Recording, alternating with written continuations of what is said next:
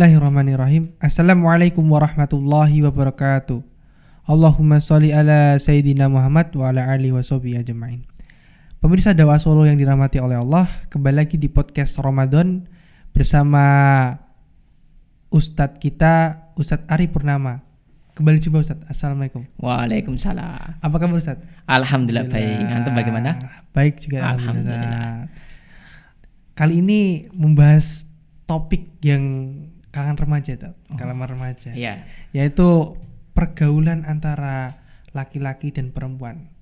Yang mana yang sekarang ini kan carut marut. Eh, mungkin di bioskop atau di tempat-tempat yang ada yang bisa eh, mungkin dan bisa apa ya Tat bisa terjadi salah persepsi antara hubungan laki dan perempuan yang di tempat tertentu atau eh, fasilitas umum nah itu seperti apa pandangan Ustaz?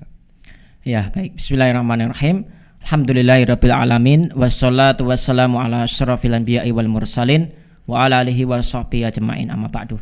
Baik ya, kalau kita melihat pergaulan atau al-ijtima ya, pergaulan antara laki-laki dan perempuan ya.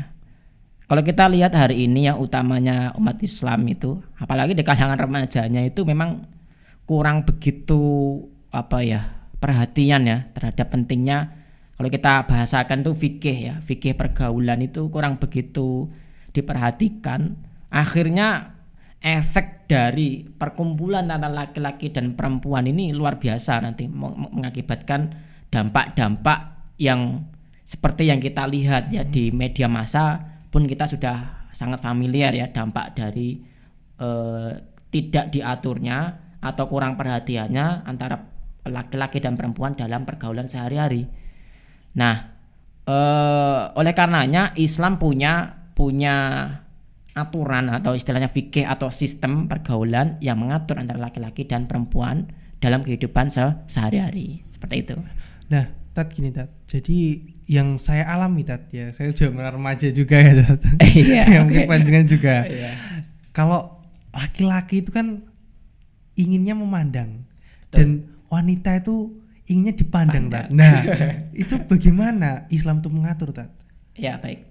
Jadi an ya atau memandang itu eh, hukumnya adalah eh, boleh kecuali pada suatu yang yang dilarang. Nah, eh, yang dilarang itu adalah apa? Adalah apa yang disebut dengan aurat. Aurat itu Aurat. kan artinya adalah sesuatu yang eh, eh, harus ditutupi. Nah, maka antara aurat laki-laki dan aurat perempuan itu Islam sudah mengatur. Ya, maka dalam hal ini konsekuensinya apa?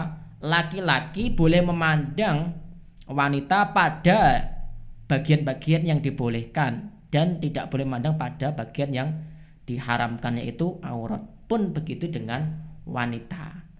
Nah, eh, dari sini kemudian ya eh, ini seharusnya tidak hanya kemudian kita wacanakan secara eh, dialektika saja, hanya sekedar dialektika atau bahan diskusi atau bahan kajian itu saja, tetapi juga harus menjadi implementasi atau menjadi gaya gaya hidup dalam kehidupan sehari-hari seperti itu, mas. Oh gitu ya Tat. Jadi mungkin lifestyle anak muda ya Tat yang Iya. yang perlu di apa ya dipahamkan terhadap pergaulan antara laki-laki dan, laki-laki dan perempuan. Hmm. Soalnya juga sekolah-sekolahan Tat dan sebagainya kan campur baur. Iya. Baik per bangku perkuliahan memang bebasnya mungkin yang Iya, terbilang bebas menurut saya Tat. iya. Yang bangkunya mungkin bisa kanan kiri dan sebagainya. Nah, dan seperti itu. Realitanya seperti itu. Dan faktanya pacaran tuh kan sekarang juga ngeri tat nah menurut panjenengan gimana sampai hamil sampai ini sebagainya Iya, SMP dan baik. sebagainya ya ya itu jadi begini ya kita bicara secara hal-hal yang sifatnya mm, basic dulu ya mendasar tentang antara hakikat laki-laki dan wanita jadi Allah subhanahu wa taala itu e, menciptakan kita itu ada paketnya iya Nah, salah satu paketnya itu apa yang disebut dengan algoriza ya atau naluri ya.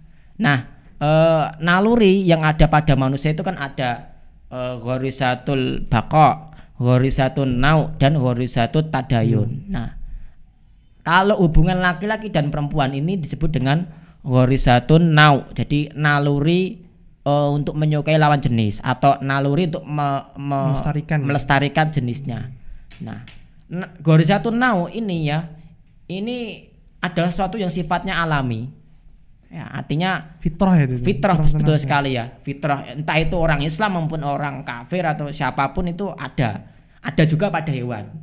Nah, nah, fitrah ini akan muncul dengan dengan sendirinya ketika sudah masanya. Hmm. Nah, biasanya kalau kita ya kalangan remaja itu ya ketika sudah mulai menginjak usia balik ya, itu sudah mengenal la- nam- namanya lawan lawan jenis. Nah, ya, yang jadi permasalahan adalah cara penyalurannya itu. Men- cara menyalurkan oh saya suka sama si dia gitu Iya. kan. Saya suka sama si dia.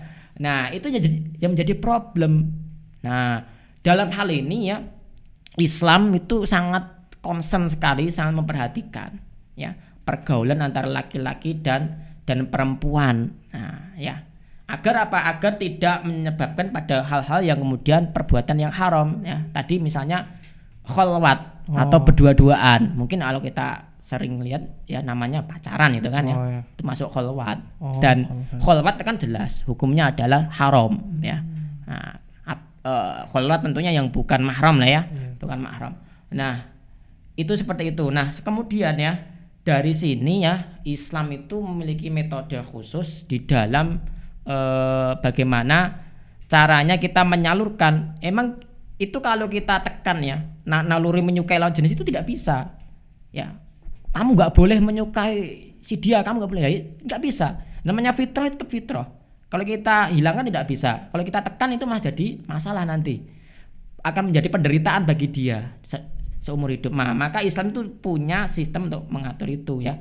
Nah, bagaimana? Ya itu dengan apa yang kita kenal dan nanti dengan menikah. Nah, menikah itulah eh, cara bagi manusia atau kaum mukmin itu untuk menyalurkan ghorizatun nau ya naluri menyukai lawan jenis itu dengan cara-cara yang benar ya bahkan berpa berpahala seperti Hmm. itu apakah ada aturan-aturan dalam Mm-mm. kita untuk menjaga atau Islam aturan Islam yang untuk menjaga ini semua pergaulan hub- antara laki-laki dan perempuan Ya, baik. Jadi Islam adalah agama yang sempurna. Jadi sampai Allah menegaskan wa may yabtaghi ghairal islami dinan fala minhu wa huwa fil akhirati minal khasirin. Jadi barang siapa mencari aturan, mencari din, mencari agama, mencari jalan hidup selain dari jalan Islam maka dia kelak di akhirat adalah minal khasirin. Eh, wala minhu. Eh, Dia tidak akan diterima ya. Ya. Kemudian eh di akhirat nanti dia termasuk orang yang rugi. Nah, pertanyaan bagaimana Islam itu ya ketika ingin kita jadikan sebagai jalan hidup, memandang kita gunakan untuk mengatur kehidupan antara laki-laki dan perempuan. Nah, nah tentunya ada beberapa hal aspek yang perlu nanti kita kita pahami ya. Yang pertama adalah eh, soal hukum ya, hukum dari masing-masing laki-laki dan perempuan. Apa itu adalah yang terkait dengan eh, fisiknya, apa aurat. Laki-laki tidak boleh menampakkan auratnya kepada wanita yang bukan mahramnya. Hmm, Begitupun juga eh, wanita. Aurat laki-laki adalah mulai dari pusar sampai lutut. lutut. Perempuan ya meskipun ada khilaf ya, nah, tetapi yang menurut saya yang paling roje adalah seluruh badannya kecuali wajah dan telapak telapak Tangan. tangan. Nah, itu Itu yang pertama. Jadi Islam mengajarkan manusia itu untuk berpakaian eh, sesuai dengan yang Allah perintahkan. Yang kedua, masalah interaksi. Laki-laki dan perempuan dalam Islam diatur interaksinya. Artinya interaksi yang di situ menye- menyebabkan kepada takorub ila zina Seperti kepada itu? Satu ruangan ya berdua ya, atau mendekati kepada perbuatan zina ya, perbuatan ya begitu ya. Itu buruk ya Iya. nanti ya itu Islam melarang. Nah, maka Islam tidak membolehkan laki-laki perempuan bukan mahram itu berdua-duaan di tempat sepi. Hmm. Tempat ramai apalagi ya berdua-duaan itu tidak boleh. Nah, karena itu merupakan pintu-pintu zina, pintu-pintu perbuatan yang yang keji, yang buruk gitu kan. Nah, maka dalam hal ini pacaran termasuk dalam hal itu, ya. Eh, Ustadz kalau pacaran jarak jauh bagaimana? Eh, gini ya.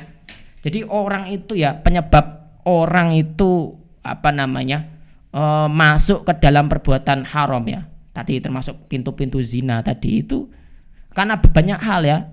Ya jadi ada yang dari- karena fisik dia melihat secara fisik dan karena dia ini ya eh, terpengaruh pikirannya. Ya kalau pikirannya itu terpengaruh, misalnya dia terbayang-bayang sama si dia, nah ini sama Wah, saja. ini bisa nge-fly nanti. Iya, nge-fly ya. In the sky nanti. ya, ya begitu kan. Nah, Islam makanya mengatur interaksi itu Iya, ya. iya. Eh, tidak boleh kemudian berinteraksi yang menyebabkan pada takorub ila zina, men- menyebabkan kepada perbuatan zina. Kan Al-Qur'an menyatakan wala taqrabu zina innahu kana fahisyatan wa sa'a sabila. Janganlah kamu mendekati kepada perbuatan zina karena itu adalah perbuatan eh, keji dan seburuk-buruknya jalan. Oh. Nah, nah, maka Islam bagaimana mengatur eh, antara interaksi dan laki-laki eh, laki-laki dan perempuan? Apakah dilarang mutlak? Tidak. Nah, maka Islam membolehkan interaksi laki-laki dan perempuan ya jual beli. Ya, Oh, jual, jual beli, beli. kemudian eh, pada hal-hal yang memang itu sifatnya darurat seperti kedokteran dan lain sebagainya. Nah, selebihnya itu harus ada namanya hijab. Nah, ah, artinya apa? Di sini Islam karena pintu masuk tadi ya naluri eh, timbulnya naluri Hmm. mm, suka lawan jenis kan eh, karena adanya fisik ya pandangan berupa fisik. Nah, maka pandangan itu pun harus kita jaga. Ya. Ya, maka Islam menganjurkan namanya godul basor. Ini penting. Godul basor menundukkan pandangan. Meskipun itu pada hal-hal yang boleh misalnya wajah. Nah, kalau misalnya antum ya Mas Faizin ya Iya. memandang wajah si dia itu kan. Nah, Wah, dan kemudian gimana? terbayang-bayang pengen sekali ya. Nah, nah, itu kan repot juga nanti ya. Nah, Apa ya. gini Dad, apakah cukup sistem pergaulan Islam ini aja atau harus ada yang menjaganya atau gimana Dad? Iya. Misalnya cuma kalau sistem pergaulan hanya di masyarakat atau di sebuah desa, yang lainnya juga bisa terpengaruh. Misalkan contoh di sini syar'i misalnya ter- ter- tertata, tapi di lagi wah blak-blakan misalkan. Iya, Jadi iya. gimana? Nah, baik.